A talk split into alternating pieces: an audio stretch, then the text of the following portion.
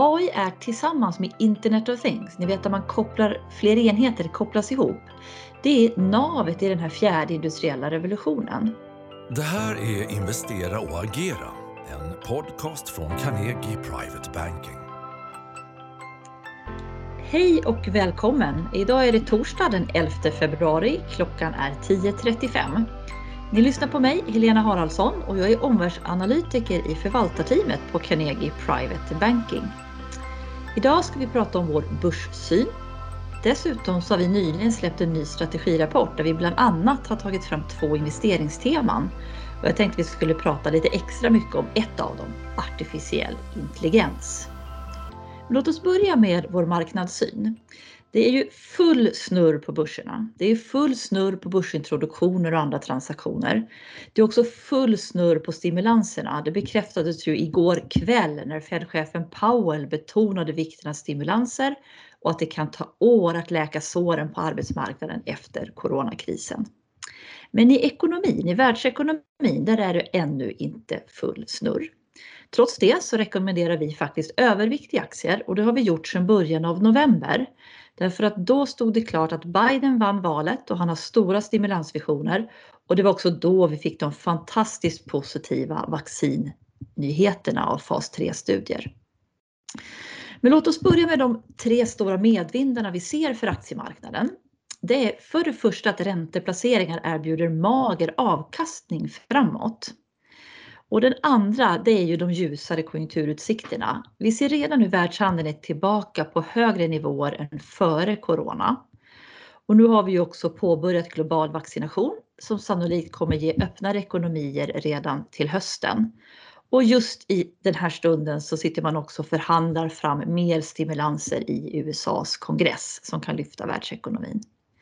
Den tredje faktorn det är ju det att vinsterna pekar upp, de förbättras och det här bekräftas så tydligt av den pågående rapportsäsongen där rapporterna då mestadels har överraskat positivt såväl i USA som i Sverige. Och det kommer ju från konjunkturlyftet men också det faktum att leveranskedjor fungerar och att bolagen har väldigt god kostnadskontroll. Sen är det klart, värderingen på många börser är hög och vi ser inslag tycker vi av irrationella och lite spekulativa beteenden. Och på så här höga värderingsnivåer så har det historiskt funnits en risk för svagare börs någon gång under de kommande tre åren. Men jag skulle också vilja lyfta fram att även om börsen då på värderingsnivåer har sprungit ifrån vinsterna så har börsen i USA inte sprungit ifrån Feds enorma likviditetsstöd som faktiskt bara fortsätter. En annan viktig sak att påpeka också när det gäller gapet mellan börs och vinster är att även om det är ungefär lika stort som vid IT-bubblan kring 99-2000 så finns det en avgörande skillnad. Och det är att nu så förväntas vinsterna stiga. Då föll de och då fick man en tristare börstrend. Sen är det klart, vi har några risker. Långsam vaccination kan öka risken för elaka mutationer. Men jag tycker ändå man ska betona att USA faktiskt vaccinerar en miljon personer per dag nu. Och det är också många smitto och vårdfallstrender i olika länder som faktiskt pekar ner igen. Det är positivt. Ränteuppgång skulle också kunna bli en motvind och framförallt kanske för techsektorn som är räntekänslig. Men det är ändå så att centralbankerna är stora köpare av olika räntepapper och inflationen är faktiskt låg eftersom det inte är full snurr i ekonomierna än.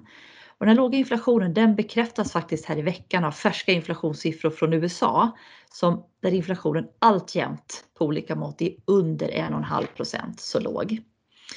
Eh, så en liten summering är väl att visst på kort sikt när börsen har gått så här starkt så finns en risk för rekyler men vi föredrar aktieplaceringar framför ränteplaceringar och vi rekommenderar alltjämt en, en högre aktieexponering än normalt och kanske bland annat då genom att ta exponering mot ett av våra teman, artificiell intelligens. Varför är AI så spännande just nu? Jo, AI är tillsammans med Internet of Things, ni vet att man kopplar fler enheter, kopplas ihop. Det är navet i den här fjärde industriella revolutionen. Och det är också så att det här handlar inte om robotar som löper amok som man ser i vissa science fiction-filmer utan det här handlar om att få datorer och maskiner att försöka efterlikna mänsklig intelligens. Och det är det här som gör det här så intressant nu, därför att för att träna de här maskinerna, det vill säga att ge dem data och svar och få dem att se mönster, så krävs det väldigt stora datamängder. Och det har vi idag tack vare smartphones, 5G, Internet of Things och molnet.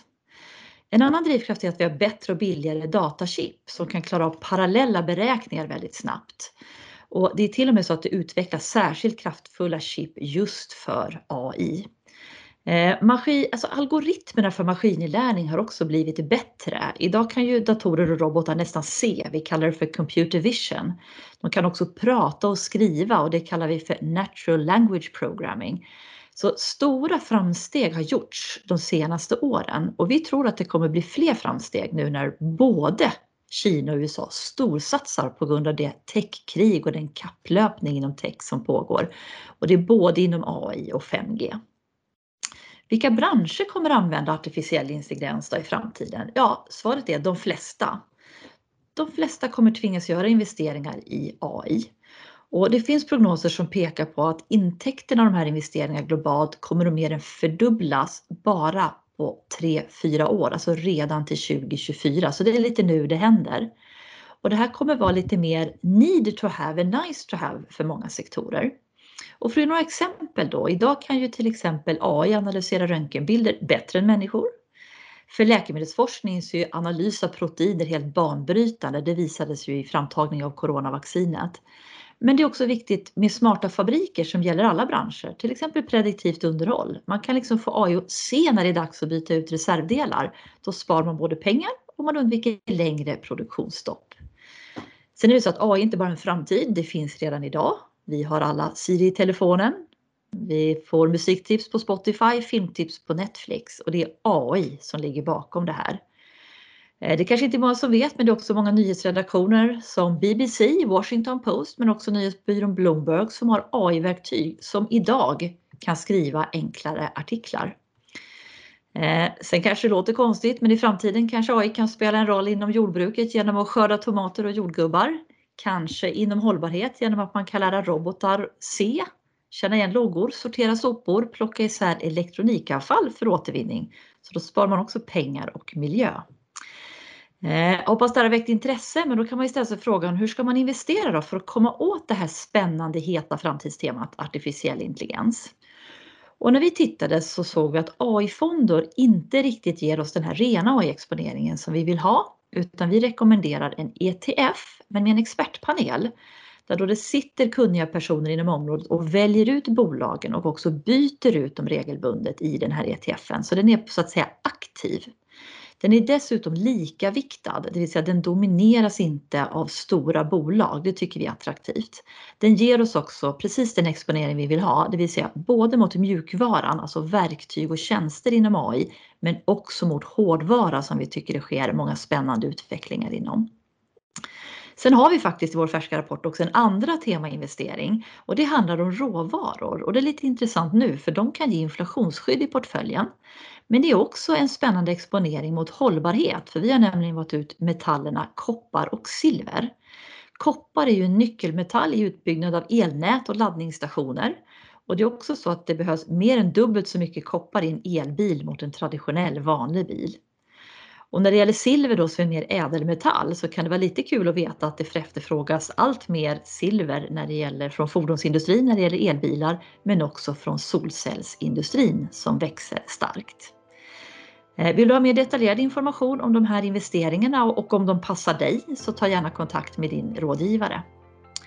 Och som jag inledningsvis nämnde så har vi precis släppt en strategirapport och du som är kund, du bör ha fått den hemskickad. Annars finns den också att läsa i Carnegie online och där hittar du även vårt strategiseminarium där vi sammanfattar rapporten. Tack för att du har lyssnat! Är du intresserad av topprankad aktieanalys och unika investeringsmöjligheter? Gå in på carnegie.se privatebanker och lär dig mer om vad du får som private banker-kund hos oss.